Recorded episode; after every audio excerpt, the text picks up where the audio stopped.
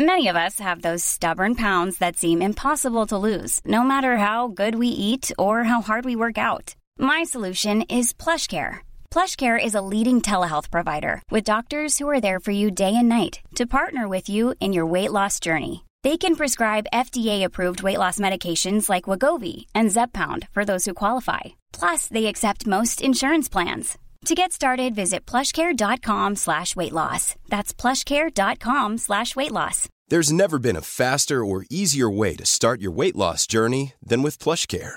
PlushCare accepts most insurance plans and gives you online access to board-certified physicians who can prescribe FDA-approved weight loss medications like Wigovi and Zepbound for those who qualify.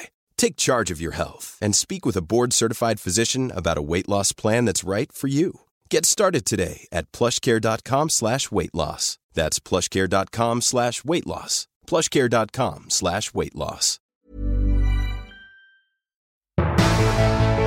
Fotballtidsskriftet Josimar trues med søksmål av VM-komiteen i Qatar for å ha skrevet om arrestasjonen av en ansatt i komiteen. Kan man egentlig drive sportsjournalistikk og regimekritikk i én og samme sak? Er det ikke pressens samfunnsrolle å skrive om sånne ting, da? Ja, det lurer vi på denne uka. Det lurer vi på denne uka. Og vi kan jo kanskje begynne å fortelle at dette er en episode som vi nå rett og slett eh, veldig seint på kvelden stunter fra vårt eh, hjemmekontor. eh. Hvert vårt hjemmekontor. Ja, med litt lavere energi kanskje enn vanlig. Hvorfor det, mon tro? Hvorfor gjør vi det, Eva? Hvorfor er vi ikke i studio? Nei, altså, Vi hadde jo en hel sending i studio i morges, med gjester og det hele. To uh, i tallet. Ja. Men uh, så hadde vi teknisk svikt på lyden, altså. Så det var rett og slett noe surr med teknikken som gjorde at vi et par timer senere fant ut at vi ikke hadde en episode. Og sånn gikk jo dagen, da. Ja, For meg som har jobbet med radio og TV i mange år tidligere, så er jo dette er jo selve skrekken. Altså det å gjøre en hel Ja. sending eller et intervju og bare sånn Vent litt nå. Er det lyd? Har vi tatt opp? Har vi skrudd på mikrofonen? Og det Ja, du vet jo, jo, nå. jeg har jo angst hver gang vi går ut av studio. Vi har trykka på feil knapper og sånn. Men um, Ja. det, vi hadde ikke trykka på noe feil, det var bare teknikksvikt, rett og slett. Men øh, anyways, den gode nyheten er jo at vi likevel har fått et intervju med redaktøren av tidsskriftet Josimar. Eh, altså han som vi i introen sa at er truet med søksmål. Så dette skal nok bli bra, selv Ok. om det blir eh, på kvelden og jeg har jekka en øl. Det skal jeg være ærlig på. Okay. For det har vært en lang dag. Da får vi bare håpe at eh, lytterne våre eh, liksom tilgir oss litt, eh, litt annen lyd. Og eh, vi skal gjøre det litt kortere enn vanlig, da. Men eh, vi, Ja. skal, eh, vi vil jo levere episode hver uke, da, selv om det går til hell. Og så får vi håpe at ikke vi hører noe fra babycallen som du har ved siden av deg. Riktig. Den har jeg nå på Ja. bordet, så den, den eh, begynner å leve sitt liv hvis eh, andre våkner. Skal vi ta en liten runde rundt bordet, da? Eller En runde mellom gjennom Asker og Oslo. ja. Da kan du begynne. Ja, skal vi se Ja, altså, vi har jo vært kritisert offentlig av Dagbladet denne uka her for å ha skålet for Aftenposten. Ja, altså eh, Det var eh, Mats Andersen i Dagbladet, som er TV-direktør og redaktør. Han skrev et innlegg i Medie24 fordi vi skrøt av Aftenposten. Det, jeg skjønte det ikke helt Ja. med en gang da du fortalte om det. Nei. Men han var i hvert fall litt sur, da, og kanskje litt fordi at vi, vi har jo en tendens til å ta opp disse frontoverskriftene til, til de titlene til Dagbladet i tide og utide, så de er nok litt eh, lei oss, da.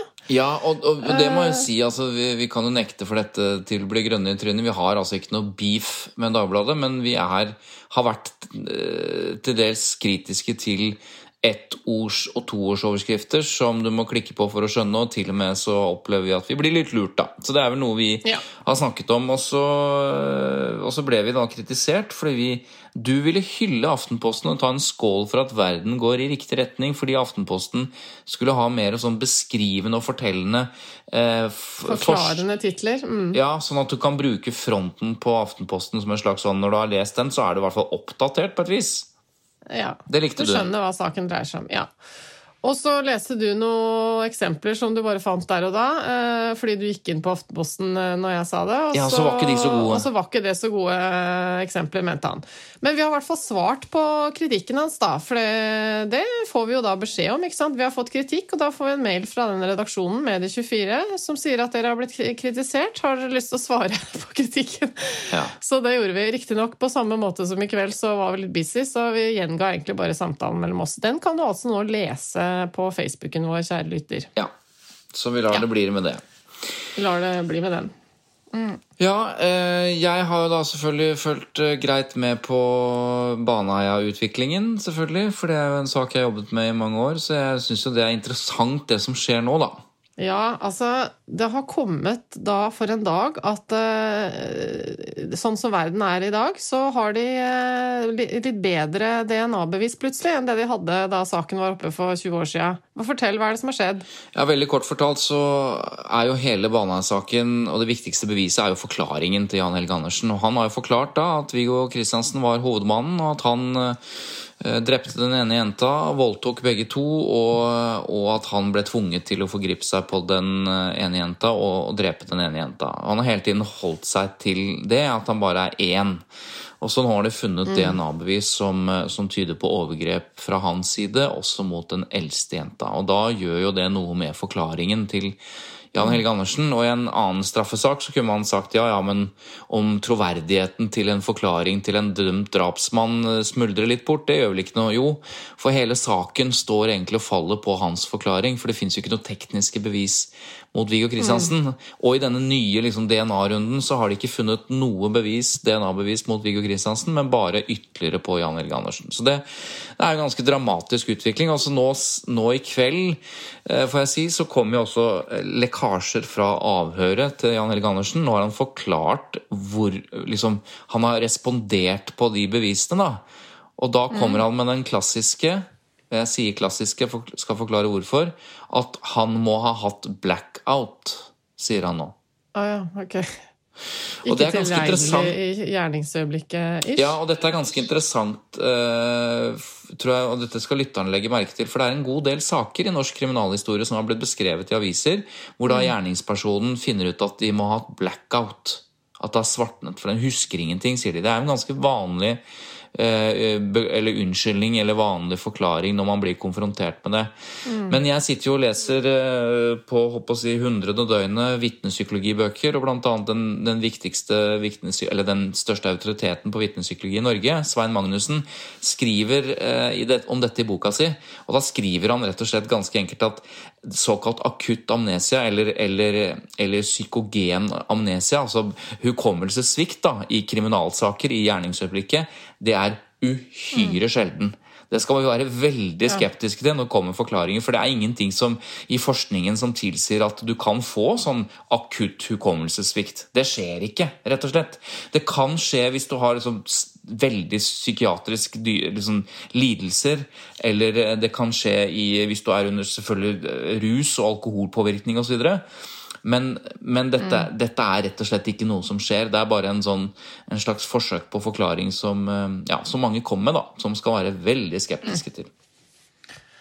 Det blir spennende å følge med på. da. Hva tenker du eh, om pressen her, da? Altså, når, du, når, du, ser tilbake på dekningen av denne saken, og det eventuelt kommer for en dag at eh, det har vært så mye feil i, i selve etterforskningen og sånn, tenker du at pressen har gjort jobben sin her? Nei, de har det ikke, og det var noe av inngangen min på kritikken for, i 2017 også. ikke sant? At her har ikke pressen fulgt med i timen. Altså i etterkant var Altså, vi har bare Ja, for da skrev du en kronikk, blant annet. Ja, så, eh, så mm. det mener jeg at der bør bør vi kikke på pressen, men det som, det som eh, skremmer meg litt, er når jeg går tilbake igjen og ser sånn Facebook-kommentarer fra eller, eller, tråder eller dialoger jeg har hatt med journalister for en del år siden, hvor jeg har løft, prøvd å løfte opp dette. Og den skråsikkerheten mm. de viste da, og liksom hvor, hvor, avvisende de har vært til, til hele saken, det, det er det som plager meg, da, uh, lite grann. Uh, mm. Men uh, mm. nå skal ikke jeg foregripe begivenhetene. Det er ingen ny dom ennå, men, men, det er klart at det som skjer nå, kan føre til at Baneheia-saken blir altså den største justisskandalen og justismordet i norsk moderne kriminalhistorie. Det er klart at det er Ja, ja for, det, ja.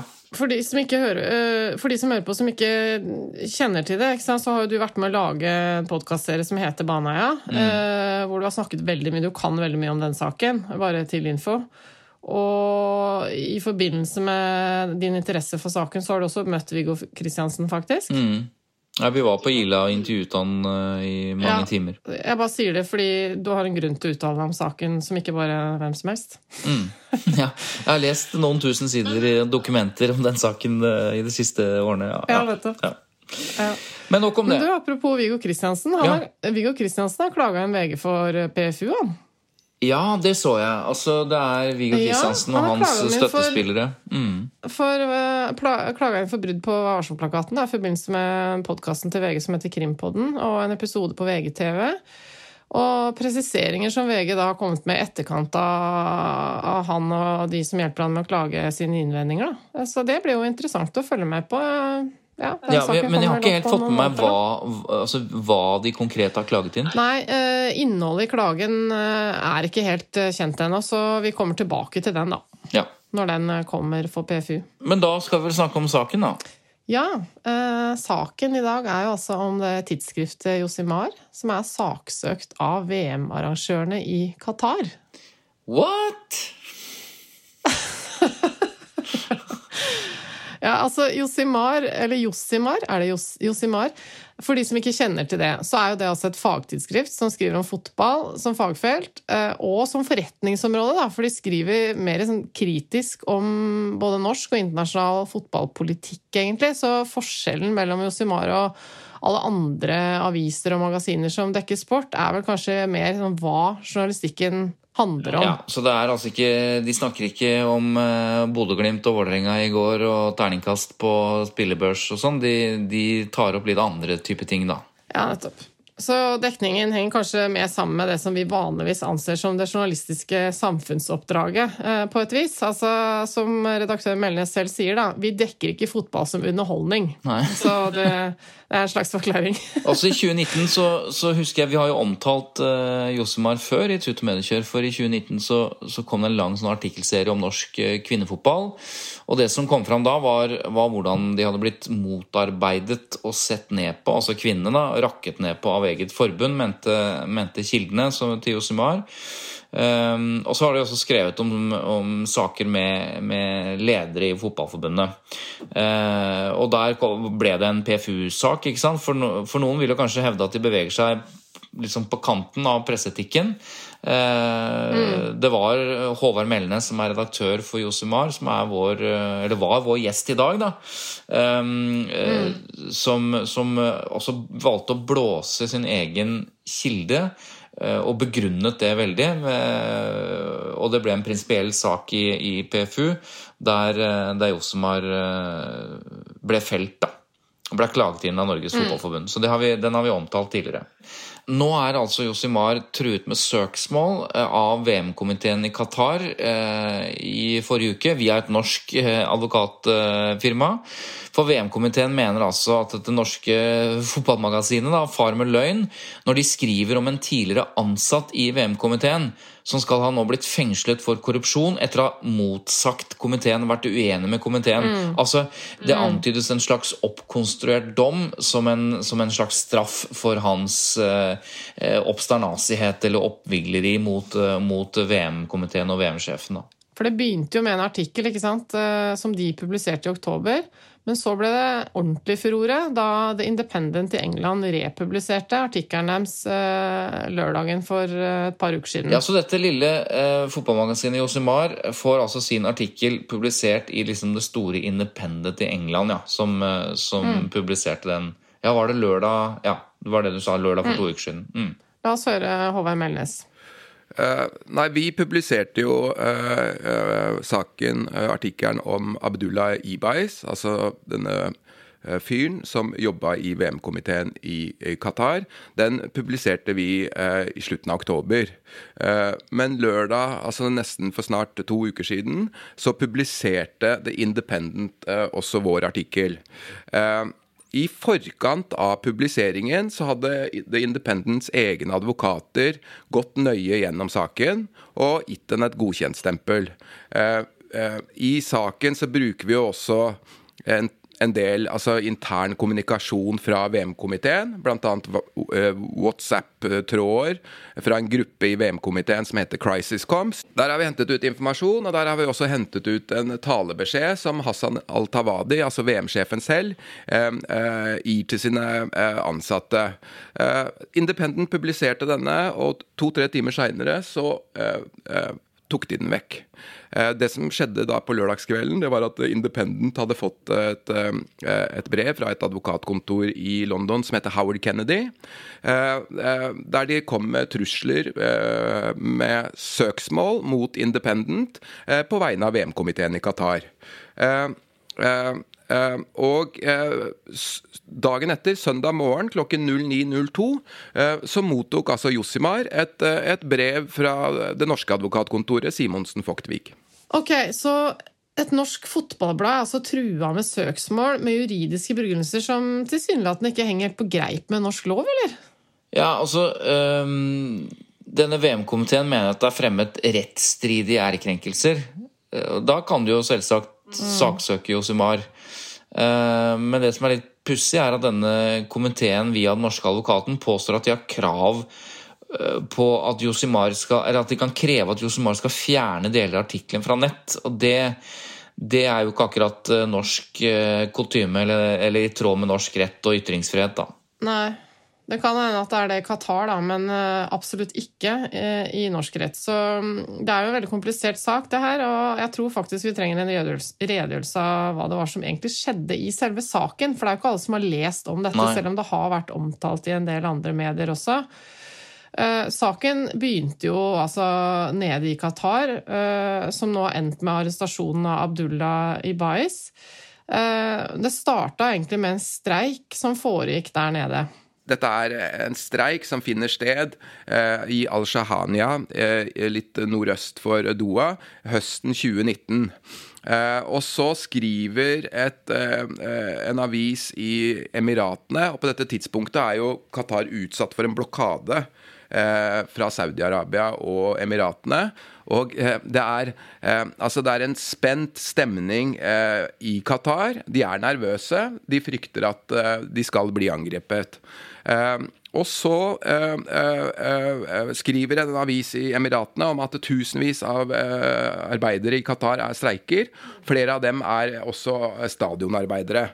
Da begynner en hektisk virksomhet internt i den Crisiscoms-gruppa på WhatsApp, der VM-sjefen selv, Hassan Al-Tawadi, sier at vi må komme ut med et statement der vi skriver at dette har ingenting med stadionarbeidere å gjøre, og vi må komme ut med det fort. Eh, men så viser det seg da at eh, Abdullah Ibais reiser til det stedet eh, der de streikende streiker, og finner ut at det er flere hundre arbeidere som faktisk er stadionarbeidere. Så han advarer mot å gå ut med et statement. Og da får vi høre at Hassan Al-Tawadi, VM-sjefen selv, en lyd, sender en lydbeskjed til resten av gjengen i Crisis Coms Group at put a narrative on it, put a spin on it. Uh, han er bare interessert i at uh, de skal komme med et statement som på en måte fritar som bare, Da de kommer med et statement som sier at dette ikke er relatert til stadionarbeidere og fotball-VM. Etter hvert så utvikler det seg etter en slags krangel mellom Hassan al-Tawadi og Abdullah. Eh, og i etterkant av dette, eh, og på dette tidspunktet er jo eh, Abdullah mellomleder i, i medieavdelingen til VM-komiteen. Etter dette så blir han ikke lenger invitert til møter, blir utelatt fra, fra flere sånne WhatsApp-grupper, og en måned senere så blir han plutselig arrestert på kontoret. Han ble fengslet fordi at han skal ha gitt et oppdrag.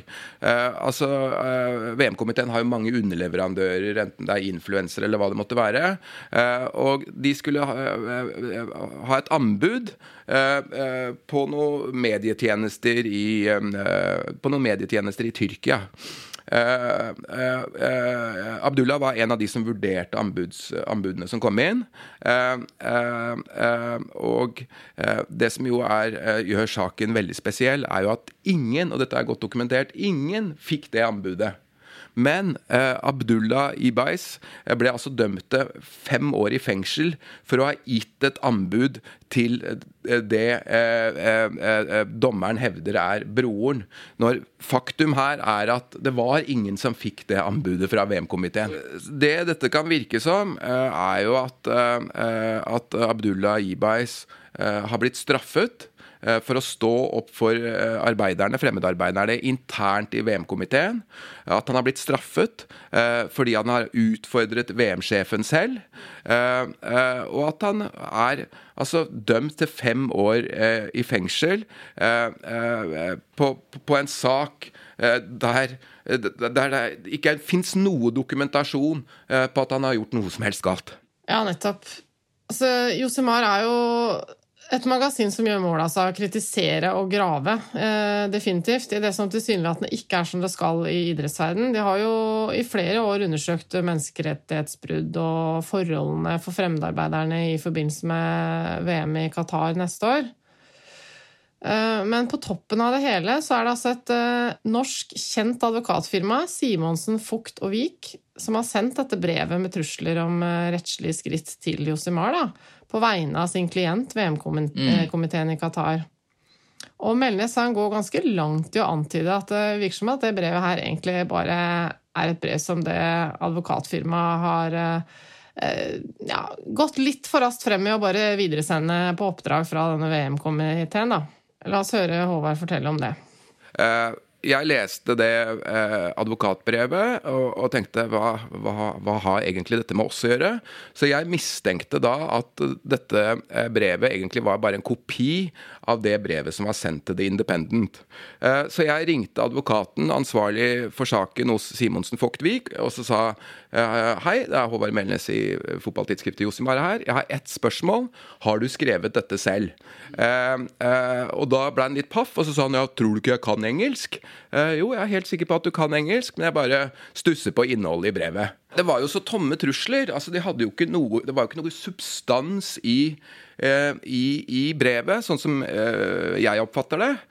og så var det mye rar ordbruk. This is not acceptable, og we command you to do this. Altså, det var sånn Uh, altså vi uh, Jeg er ansvarlig for hva uh, Josimar publiserer. her hadde vi en sak med, der vi bruker også helt åpne kilder. altså Dette er internkommunikasjon fra, fra, fra VM-komiteen. og sånn type journalistikk er jo forbudt ved lov i Qatar. men det er jo ganske vanlig praksis her i Norge. Altså dette oppdraget fikk de og takket ja til en lørdag lørdagskveld. kveld. hadde de gjort noen undersøkelser eh, eh, før de takket ja til blodpengene fra Qatar, så hadde de jo f.eks. funnet ut ved et enkelt Google-søk at et trusselbrev til Josimar ikke skremmer oss, men derimot bidrar til å gi saken enda større oppmerksomhet. Ja, det er jo Han er så, han er så skamløs, eh, Håvard Melnes, syns jeg. Fordi han, han, går liksom rett i kjernen. Han ringer til de folka han trenger å snakke med. Nå ringer han til Simonsen Fuktovik, og, så, og så betviler at i hele tatt har de, liksom, har de vurdert dette her eh, fra lørdag kveld, da de tydeligvis fikk oppdraget til søndag morgen eh, når de sendte brevet? Eller, så det er ganske mm. Men de svarer jo ikke oss. Vi kan jo si det, da. Eva, du har jo prøvd å få tak i Simonsen, Fugt og Vik. Og, ja, Vi har vært i kontakt med dem eh, faktisk i forrige uke, da vi begynte å se på den saken her. Sendte mail og sendte ny mail, og advokaten eh, Salvesen Haukås har også fått SMS av meg som ikke er besvart. Så de har absolutt fått tilbud om muligheten til mm. Eh, både kommentar og samtidig imøtegåelse. Det har de. Mm. Og så er det jo sånn at advokater i Norge de har jo eh, en slags rett, som det heter, til ikke å bli identifisert med sine klienter. Det er jo et viktig prinsipp, ikke sant? At eh, du skal liksom ikke Du skal ikke kjefte på advokatkontoret fordi at eh, dem de representerer, enten det er strafferett eller andre, at de er idioter. Men det som er allikevel litt pikant her, da, er at Simonsen, Fugt og Vik de fremstiller seg selvfølgelig som veldig mange andre i advokatfirma. At de er eh, verdibaserte og i tråd med både det ene og andre, sikkert bærekraft og alt mulig. Og det som er litt ekstra pikant her, er at dette advokatfirmaet er jo en fast økonomisk støttespiller til Amnesty. Mm. og, det, og i og med at Amnesty har vært veldig kritiske til Qatar og menneskerettighetens situasjon for gjestearbeidere, som jo er hele utgangspunktet for denne saken, denne streiken som vi har hørt om og sånn, så gjør det jo mm. ekstra Ja, hva skal jeg si det, Altså, de, de kommer jo ikke noe særlig heldig ut her. da, Vi kan jo høre, høre på først hva Håvard eh, forklarer om hva, hva, de, hva han svarte på dette brevet, da. Nei, jeg, bare, jeg svarte at uh, for det første så har vi vært i kontakt med VM-komiteen både i forkant og etterkant av publisering. Og ikke på noe tidspunkt har de uh, signalisert at de skal saksøke oss. Uh, tvert imot så takket de oss for at vi publiserte hele statementet deres. og så gikk jeg jo litt til angrep på, på, på Simonsen Fogtvik. Altså jeg lurer på om eh, eh, Det er litt som med reformene i Qatar. At altså man sier at man er opptatt av samfunnsspørsmål og menneskerettigheter, men altså Har det egentlig Er, er det troverdig? Altså, det er et uh, stort norsk uh, advokatkontor. Uh, de er Magnus Carlsen sin sponsor. de hevder på egen hjemmeside at de er opptatt av menneskerettigheter, at de støtter Amnesty. jeg tok kontakt med Amnesty og lurte på hva den støtten innebar. og da viser det seg at alt den støtten innebærer, er at Simonsen Vogt Vik gir Amnesty 50 000 i året. Eh, eh, og så er de såpass skamløse at dette skryter de av på hjemmesida, akkurat som det er et tegn på at de er opptatt av menneskerettigheter. Eh, og det mener jo vi, da, at det brevet de sendte på vegne av VM-komiteen, motbeviser, motbeviser dette. Dette er betimelige spørsmål som Melnes kom med. Jeg bare kom på det når vi introduserte Josimar, at vi har snakket med dem sist gang vi snakket om Josimar, da de havna i PFU, så var det jo fordi norsk fotball eh, tok dem mm. til, ikke til retten, men til PFU. Eh, og, og, generalsekretær Bjerketvedt eh, i, eh, i Fotballforbundet.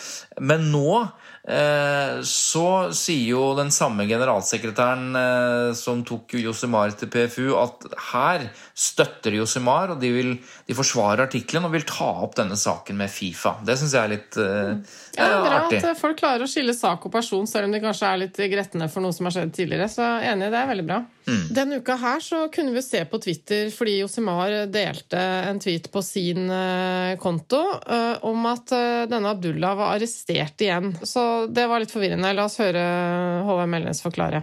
Uh, nei, altså Abdullah hadde en intervjuavtale med NRK, var det på, på, på mandag. Uh, og så fikk jeg en telefon fra han uh, grytidlig på morgenen. Da hadde han blitt hentet i leiligheten av to politimenn. Uh, og så tekstet vi hele veien til han kom til uh, tinghuset. Uh, og det han tror, er at denne arrestasjonen skyldes at han hadde en intervjuavtale med NRK senere samme dag. Jeg har vært, snakket flere ganger med Abdullahs advokat, og der, han sier at det er ingen hjemler i lovverket som er brukt her for å fengsle Abdullah. Samtidig så vet vi jo at rettssikkerheten for, for fremmedarbeidere i Qatar er lik null. Ja, lik null. Og det er vel noe av grunnen til at eh, det har eh, vært, eh, var lenge en boikottdiskusjon også om i Norge om vi skulle boikotte hele jæskla VM.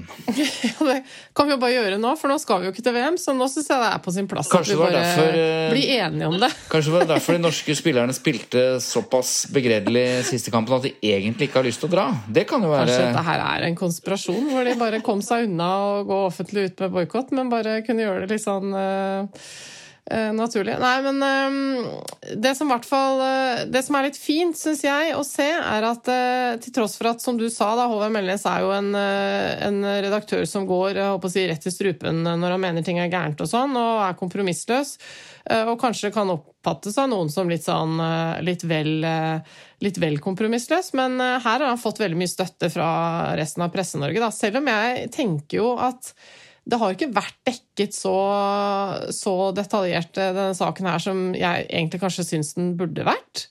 Men Filter Nyheter eh, de har eh, publisert saken til Josemar nå denne uka her i en slags støtteerklæring til, mm. til Josemar. da. Mm.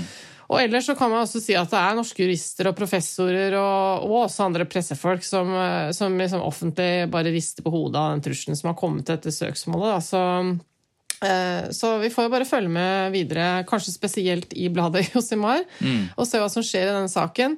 Jeg vet, eh, jeg snakket med Melnes, og han fortalte at han skal snart ned til Qatar og, og drive videre journalistikk osv. Så, videre. så dette er sikkert ikke den siste saken vi ser eh, om, om dette. Ja, jeg syns i hvert fall det er prisverdig at sånne skal vi si, litt sånn nisjemagasiner legger så mye tid og krefter og kraft i å, å drive den type maktkritisk sportsjournalistikk. da, fordi ja. Altså det har jo, Man kan jo stille spørsmålet om, om, eh, om Josimar-saken i seg selv er et tegn på at eh, sportsjournalister eller sportsredaksjoner i de tradisjonelle mediene ikke driver den type kritisk journalistikk. Mm. Um, men, det, men, men, jeg mener at det der har endret seg. Da. Altså, sportsjournalistikken har hatt et dårlig rykte. Altså, den gangen jeg drev med sportsjournalistikk for hva er det, 20 år siden, jeg drev aldri med sportsjournalistikk, men jeg, jeg, dekket jo både VM og OL og, og, sånn rundt omkring i verden, men da fra et mer sånn nyhetsperspektiv, da. Uh, og da husker jeg la merke til, og jeg har fortalt den historien før, gidder ikke å fortelle den, men hvor servile jeg mente en del sportsjournalister var. At de godtok ting uh, som jeg aldri ville godtatt som nyhetsjournalist uh, når det gjaldt kildenes krav osv. Så, videre. så men jeg mener jo at det har vært mye bra sportsjournalistikk og maktkritisk gravende sportsjournalistikk i de siste årene. Så det der har endret seg litt, mener jeg. Ja, jeg er enig i at det har tatt en litt annen vending i det siste. Det er mitt inntrykk òg. Jeg leser jo ikke akkurat uh, sportssidene så nøye som jeg leser andre ting, men uh, det kommer stadig vekk uh, ja, ordentlig kritiske ting, så det er bra, da. Men du, jeg kom på vi har fått et, fått et lyttespørsmål, eller vi har fått flere faktisk om denne mm. saken her. Jeg fikk det også da den, da den kom i forrige uke. Uh, og en spør, uh, spør, oss om hvorfor det egentlig er Josimar som saksøkes, når, uh, når, både Aftenposten, VG og DN og andre tradisjonelle norske medier også har skrevet kritisk om Qatar.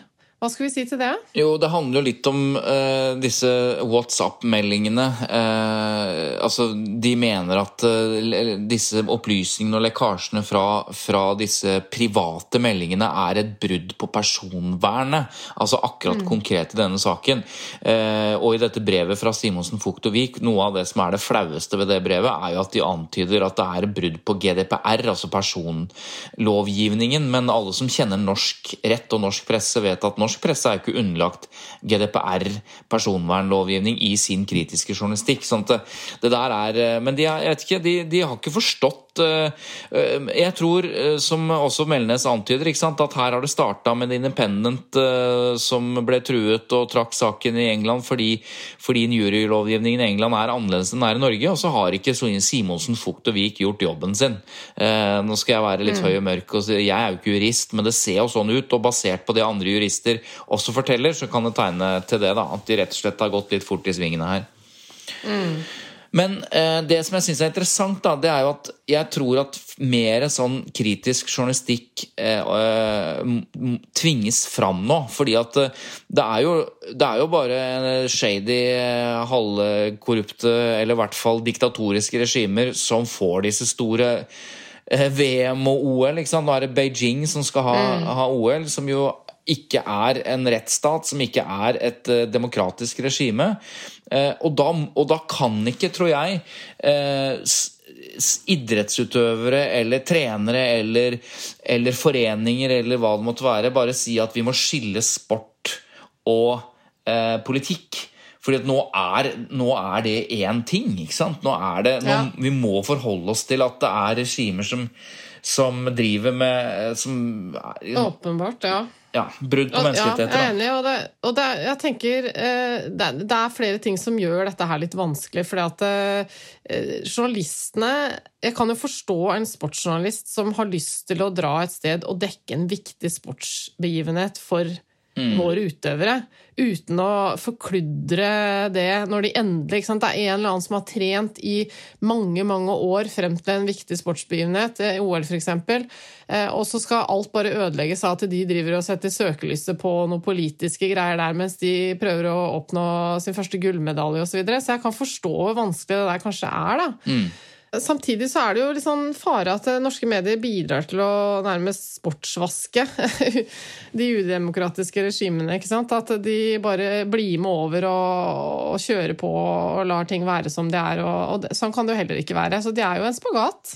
Ja, og, og nettopp fordi at uh, denne, dette begrepet sportsvasking, som, som du sier, sant, som handler om å, å rengjøre seg selv uh, fra et uh, elendig omdømme, da, enten det er brudd på menneskerettigheter eller andre overgrep, at man at man skaper begeistring og jubel og sports- og idrettsøyeblikk og sånn for å liksom dekke, mm. dekke, over det. Og det er klart at eh, nettopp fordi disse regimene får disse arrangementene, så, så, kan ikke norske utøvere, eller i hvert fall ikke norsk presse, la seg blende av det. De må være kritiske. Og der syns jeg jo eh, det norske landslaget og med Ståle Solbakken og de små markeringene de har vist, eh, på en måte har forstått det. Og Ståle Solbakken, landslagstreneren, sier jo selv at man kan ikke skille sport og politikk lenger. ikke sant? For det er en del av, av det hele. Dette, dette, veves sammen, da. Det begynner å bli en del uh, sånne shady regimer som har eh, brukt idrettsarrangement for å skaffe seg positivt omdømme i det siste. Eh, kjøper seg den kreden ved å arrangere store sportsbegivenheter, da. Men mm. det, er, det, er, jo ikke første gang, for det, det, var vel sånn med OL i Berlin også rett før andre verdenskrig brøt ut, egentlig. At de ja. arrangerte OL midt oppi Altså, det har jo vært mange ja. sånne ja, og, det, og, klart at I 1936, som jo er en av de største norske idrettsbegivenhetene som fins Det er jo bronselaget som slo Tyskland 2-0 hjemme på Das Post-stadion i Berlin. Eh, som var helt mm. vanvittig. Det er en av de største begivenhetene. Da jeg skrev bok om idrettshistorie, så var det jo bare Marseille og da vi slo Brasil, som egentlig kan måle seg med det, i hvert fall i fotballens verden. da. Men det som skjedde mm. da, ikke sant? Eh, og det er jo en, en idrettshistoriker som heter Finn Olstad, som ikke bare er idrettshistoriker, har skrevet masse om politisk historie og, og sånn. Han er veldig opptatt av idrettens eh, kraft. da. Um, og han skriver jo om det som ble på en måte vår boikott eh, da, da, krigen kom til Norge i 1940. ikke sant? Så boikottet jo eh, norsk idrett eh, nazistene da de eh, forsøkte eh, å, å, eh, ja, å, å skape, skape, idrett på, på nazistenes mm. på premisser. Og da, og da mm. Olstad har jo kalt det for, for idrettsfronten under okkupasjonen, ikke sant? Som, en, som han mener er den, store, den første store motstandshandlingen i Norge. Eh, og kanskje, og kanskje det mest omfattende. At det startet med motstand i idrettsbevegelsen. Så vi har jo tradisjon i Norge for å bruke mm. at idretten stiller eh, og retter seg opp i ryggen og sier 'dette godtar vi ikke'. Og internasjonalt har vi selvfølgelig sett flere markeringer som, som er politiske, seinest på en måte i de siste årene mot Trump, ikke sant? hvor, hvor svarte afrikanere, amerikanere har, har markert, markert tatt politisk standpunkt, da. Så um, det henger sammen. Ja, det henger sammen. Og nå har det jo vært mye i engelsk Eller i um, Champions League-fotballklubber også, da. Ja. Med disse emiratene som driver og kjøper seg inn i Paris Saint-Germain og Manchester City, er det vel? Ja, det er helt altså, forferdelig, Hvor de plutselig får uh, altså sånn emirateiere, og, og da står jo fansen bare og altså, Det er sikkert veldig mange delte meninger, selvfølgelig, men man ser i hvert fall mye bilder på nyhetene av, av lokalfans i England som står og jubler, fordi da veit de bare at det blir masse penger og muligheten til å kjøpe dyre spillere, og så bare lukker de øynene og, og fortsetter å heie. Ja. Men jeg tenker Det er jo ikke Nei, jeg, jeg, er helt enig, men hvis vi tenker på journalistikken i dette her, da, hvis vi liksom måtte dra det tilbake mm. til det, så tenker jeg at ja, ja jeg forventer, og, og vi i Tut og Medikjør forventer at uh, norske sportsjournalister, eller norske journalister som skriver om, om Det går jo litt inn i hverandre. Det, det, er jo ikke bare mm. sportsjournalister som skriver om sport, og nyhetsjournalister som skriver om nyheter. Det er jo, Dette veves jo sammen, det òg. Men de må være, mener jeg, mer på ballen. på kritisk eh, journalistikk, eh, spesielt mot regimer, og regimer som kjøper fotballklubber osv.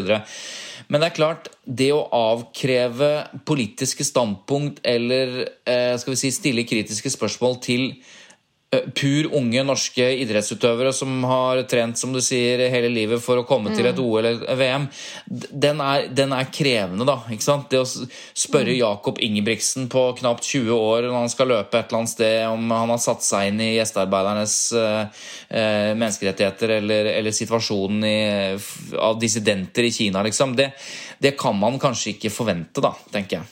Ja, nei. Det er vanskelig. Både idrettssupportere og sportsjournalister lever jo på en måte både i og med den dobbeltmoralen som, som hele det sirkuset der er. Så sportsvasking funker jo på et vis, og kanskje i stor grad pga. media, egentlig. Det er jo en grunn til at Beijing arrangerer OL igjen 14 eh, år eh, etter forrige gang. Ja, og som er den eneste, eneste byen som både eh, har arrangert vinter For nå er det jo vinter-OL. ikke sant? Både mm. sommer- og vinter-OL. Men har du hørt om han fotballspilleren? Apropos altså Det er jo noen idrettsutøvere som markerer seg og tar virkelig eh, rennafart og mener noe. da. Altså, Faen, hva heter han? han det er en eller annen eh, fotballspiller ja, landslagsspiller som spilte nå eh, den siste landskampen for Norge. Ja. Som spiller i, i, i italiensk eh, Serie A, tror jeg. Som Torsby. Mm. Han er jo Jeg husker ikke hva han heter til fornavn. Han er jo liksom blitt kalt fotballens svar på Greta Thunberg. Og der er det, ja, laget, det. laget, saker i Italia på Morten Thorsby. Ja, Morten. Han, jo, mm. han, er jo utrolig engasjert og, og har jo sagt at, eh, at eh, dette, dette, vil han liksom Dette vil han bruke sin, eh, sin, posisjon til å mene noe om, da. Ikke sant? Han spiller i UC Sampdoria. Sampdoria, ja. Nettopp. har du ikke hørt om Sampdoria? det må jeg innrømme at det der Jeg har ikke vært på så mange av de kampene deres, altså. Nei. Det har jeg ikke. Ja, han er jo han er klimaaktivist, rett og slett. Eh, og han ja, sier kult. at han vil gjøre alt uh, for å få Norge til uh, VM. Det klarte han ikke. Men han vil også gjøre alt han kan for å sette fokus på, um, på, på klima. Da. Ja, men Det er bra. Nå syns jeg vi har i hvert fall gjort uh, vår, vår, lille innsats i å sette fokus på dette. gjennom å snakke med Melnes, selvfølgelig, og få høre litt om hva som foregår nede i Qatar. Absolutt. Og så tenker jeg at vi skal la det være med det, fordi nå er det veldig seint på kvelden for vår del. Jeg ser det lyser, eh, det lyser, på den der babycallen nå, så jeg tror det er bevegelse. Det det? Så det er fint å avslutte nå. Men vi, hadde vi noe eh, lyttespørsmål helt på tampen? Ja, altså vi, vi, har et som jeg fant fram, eh, som er veldig morsomt, syns jeg, som kom for en stund siden. Og det er følgende spørsmål Hva er egentlig robotjournalistikk? Er det for real? Er det for real? og da kan jeg jo svare ja, det er faktisk for real. Altså, Flere medier er for lengst i gang med å publisere saker som er laget av roboter. Stavanger Aftenblad f.eks. Er, er, er nok kanskje de som har kommet aller lengst uh, i å prøve ut det, det formatet her. da. Vi, vi, må slutte med dette begrepet roboter. For det, folk som er i hvert fall så gamle som oss, vi har vokst opp med eh, sci-fi-filmer eller eh, amerikanske filmer hvor vi, når vi hører robot, så ser vi for oss at det er roboter. altså Det er menneskelignende teknologiskapninger som sitter og dundrer på tastaturet ah, ja. og skriver journalistikk. Du mente ikke ro robåter, det var ikke det du skulle ikke ro, ikke ro båter, nei. Ikke ro. Men, men, det er altså Dette er noen algoritmer og det er noe teknologi som ja, gjør at man kan spy mm. ut noen enkle på en måte referater, eller hva, hva, slags type journalistikk er det som lages av disse ja, det robotene? Det er visst dekningen av lokalfotballen, blant annet, da, i Stavanger Aftenblad. Oh, ja, det er roboter Men også artikler om kjøp og salg av boliger og saker om eh, bedrifters årsregnskap og ja, sånne ting blir visst laget av Robåter. Ja, robåter. Ja, men det skjønner jeg, ikke sant? Fordi det er jo øh, Og det skjønner jeg øh, at det er mulig å automatisere noe Altså, jeg mener når du kan automatisere regnskap og enkle eller ganske kompliserte ja. ting etter hvert, så kan du jo selvfølgelig få automatisert noen sånne enkle ting. Men, men, men hvor langt skal dette gå, da? Robotjournalistikk? Ja. Nei, jeg vet ikke. Altså, jeg tok kontakt med digitalredaktør eh, Elin Stuland i Stavanger Aftenblad. Og hun fortalte at eh, de har faktisk veldig gode erfaringer så langt. Eh, selv om det noen ganger kan selvfølgelig bli litt kluss. da. Men også at de ikke har noen sånne umiddelbare planer om utvidelser til andre saksfelt.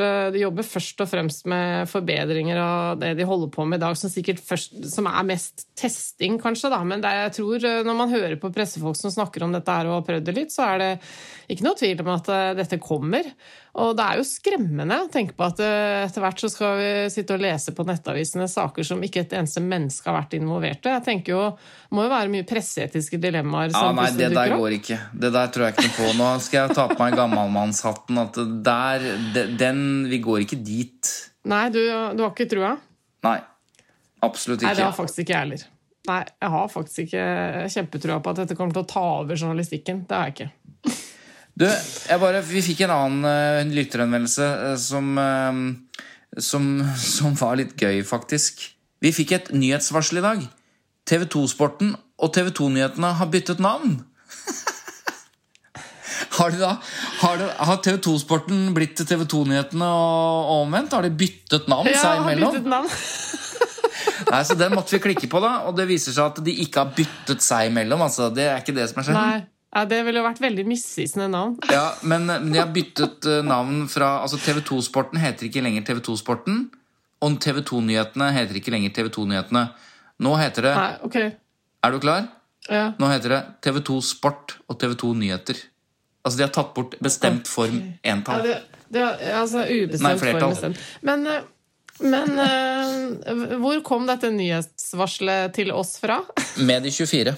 Bransjeavisen Medie24. Varsel, varsel. Du har slått av alle varslene, du.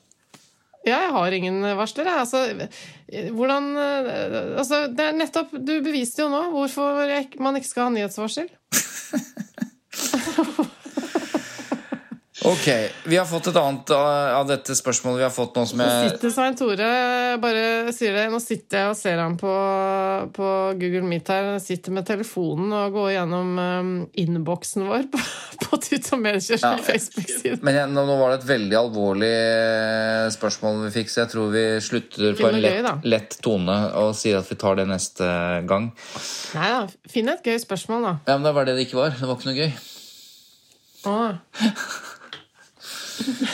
Så da eh, er denne, eh, denne improviserte Nå klarer jeg ikke å prate lenger. Jeg holdt på å si improvisasoriske, som jo ikke er et ord. I hvert fall, Det høres jo ut Improviserte episoden? Ja. Mm. Det er en mm. blanding av improviserte og provisoriske. Det var det jeg skulle fram til. Improviseriske. Ja, improvasoriske. Nettopp. Da er det vel på tide å si god natt. Og si at denne podkasten er også produsert av Tut og Mediekjør. Eh, jeg mener Lyder Produksjoner.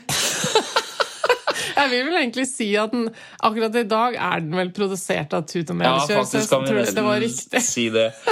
Eh, og så skal vi ikke eh, Og så får lytterne heller tippe på hvem var det som eh, gjorde at vi ikke fikk tatt opp den lyden i den lange episoden vi tok opp i dag tidlig.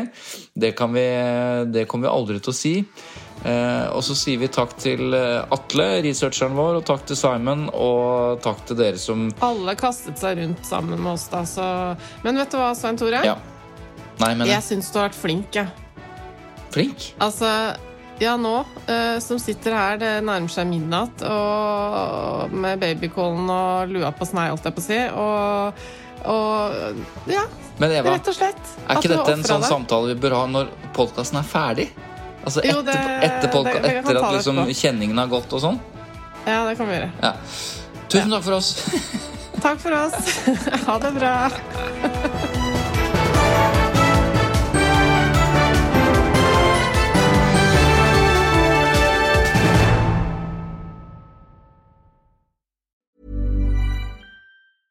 Want flexibility? Take yoga. Want flexibility with your health insurance? Check out United Healthcare Insurance Plans. Underwritten by Golden Rule Insurance Company, they offer flexible, budget friendly medical, dental, and vision coverage that may be right for you. More at uh1.com. Hey, it's Paige DeSorbo from Giggly Squad. High quality fashion without the price tag? Say hello to Quince. I'm snagging high end essentials like cozy cashmere sweaters, sleek leather jackets, fine jewelry, and so much more. With Quince being 50 to 80% less than similar brands. And they partner with factories that prioritize safe, ethical, and responsible manufacturing. I love that. Luxury quality within reach. Go to quince.com slash style to get free shipping and 365 day returns on your next order. Quince.com slash style.